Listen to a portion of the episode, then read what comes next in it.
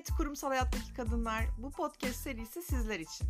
Ve tabii ki başlıkta kadınlar ifadesini görmesine rağmen yine de dinleme şansı veren kurumsal hayatın içinde yer alan erkek dinleyiciler için. Hepiniz tekrar hoş geldiniz.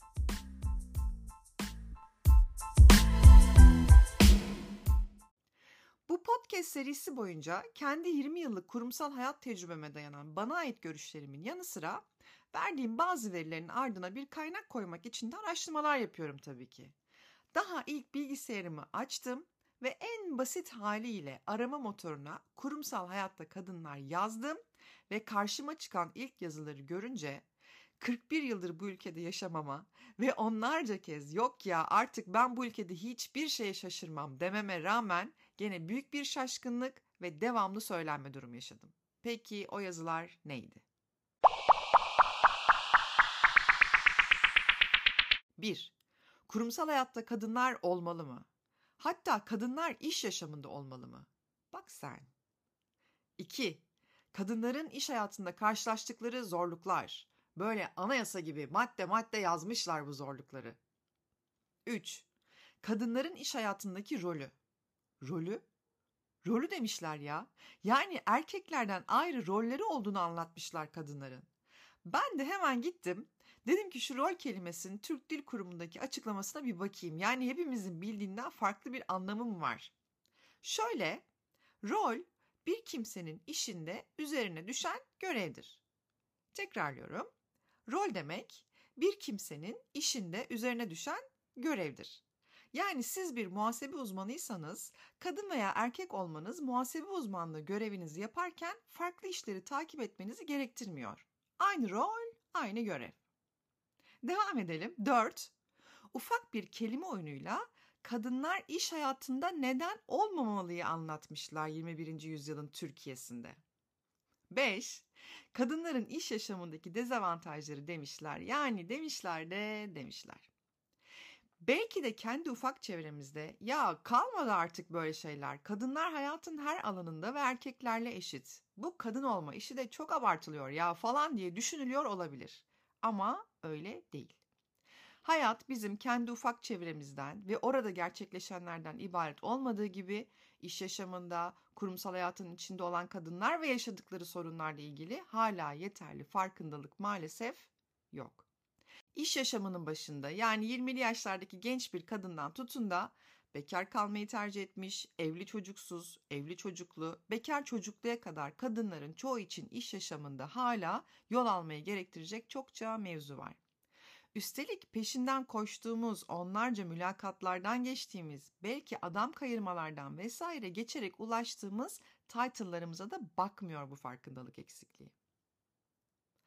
Kadınların sadece kadın olmalarından kaynaklanan problemlerin yanı sıra zaten sabah 8 akşam 5 çalışma hayatının içinde ve sabah 8 ila akşam 5 saatleri arasında asla dile getiremedikleri ama içten içe hepsinin yani aslında hepimizin çok iyi bildiği ve bir beyaz yakalının kaderi olan saçma bir takım uygulamalar, mobbingler, efendime söyleyeyim ayakkabıdan telefona hatta kullandığımız zile kadar oluşan marka takıntısı, adamcılık, yapmış olmak için yapmalar gibi çokça ele alınması gereken konular var. Ben bunlara plaza gerçekleri diyeceğim.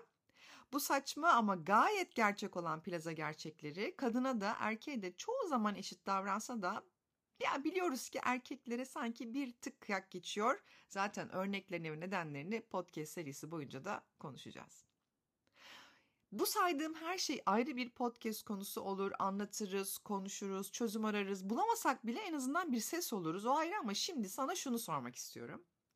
Ya bu arada farkındaysanız podcast'in ilk bölümü diye sizli bizli konuştuğum bu kurumsal ifademi de bir kenara bırakıp ortamı samimileştiriyorum ve sen demeye başlıyorum. Hatta şimdi sizden sene geçince de e, aklıma şey geldi. Bu e, kurumsal hayatın içindeki şu hanım bey hitabet mevzusu. Ya gerçekten valla bazen e, insanda mide ağrısına sebep olabiliyor bu hanım bey e, mevzusu. Çünkü kimilerinin takıntısı oluyor bu. Özellikle de böyle terfilerden sonra şey olur ya yani Gökçe'cim dışarıda yine biz bizeyiz biziz ama ofiste canım olmuyor ya. Ya biliyorsun terfi yeni bir, bir yer edinmem lazım. İşte bana saygı duyulması lazım falan gibi açıklamalar yaparlar. Sanki saygı böyle kazanılıyormuş gibi. Kimilerine çok umurunda olmaz. Neyse bu da ayrı bir konu olur. Ee, şimdi nerede kalmıştım? Ha? Evet şimdi sana şunu soruyorum. İş yaşamında veya sosyal yaşamında ki iş yaşamı bence sosyal yaşamlarımızı doğrudan etkileyebiliyor. Kendini sıkışmış, nefes alamaz gibi hissediyor musun? Veya hani vardır ya işte mutlaka en az bir yöneticinizden veya İK departmanından duymuşsunuzdur.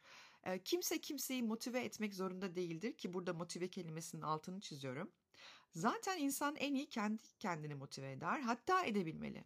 Evet bu yılki performans gelişimine ve bir KPI olarak da ekleyelim bunu Gökçe'cim. Not alır mısın lütfen diye notlar aldığın ve ayda en az 5-6 sabah gayet motiveyim, iyiyim diye işe gidip geri kalan 24 günde motivasyonunu kaybettiğin oluyor mu? Ya da şunları da biliyorsundur. Her sabah ki özellikle pazartesi sabahları kendini yataktan zorla çıkarıyorsun. Gün be gün aynı şeyleri yapmaya devam ediyorsun. Ofiste çoğu zaman gözün saatte, hatta bazen saate en son baktığından bu yana sadece 9 dakika geçmiş olduğunu fark edip bir kahve daha alıyorsun ve tüm bunların sonunda en nihayetinde yaşamak için hafta sonunun gelmesini bekliyorsun. Ya da belki çok çalışıyorsun, elinden gelenin fazlasını bile yapmaya çalışıyorsun. En iyi saatlerini hatta aileni feda ediyorsun ki kendini feda ettiğini saymıyorum bile. Ama sonra geriye dönüp baktığında sınırlı sonuçlar ve çok az tatmin ile bir çarkın içinde dönüyormuş gibisin. Ama bil ki yalnız değilsin. Senin gibi düşünen ve senin gibi yaşayan çokça insan var. Yani evrende böyle hisseden bir tek sen değilsin bunu bil. Hatta daha fazlasını da bil. Mesela daha fazla özgür olman gerektiğini, hayatında eksik kalan şeyleri daha iyi tamamlayabileceğini, olduğun kişiden daha fazlası olduğunu da bil lütfen. Eğer şimdiye kadar söylediğim şeyler için evet ya bana da dokunan şeyler var diyorsan doğru yerde buluştuk demektir. Seni tanıyorum çünkü ben de aynı yerdeydim ve içlerinde olağanüstü potansiyel ve yetenek bulunan çalışan kadın ve çalışan anneler de aynı yerdeydi. Kurumsal hayatın bazen trajikomik, bazen keyifli yanlarını, iş hayatında yaşadığımız sorunları, çalışan anne olmanın ne demek olduğunu ve daha fazlasını konuşacağımız Kurumsal Kadınlar Podcast'in ikinci bölümünde görüşmek üzere.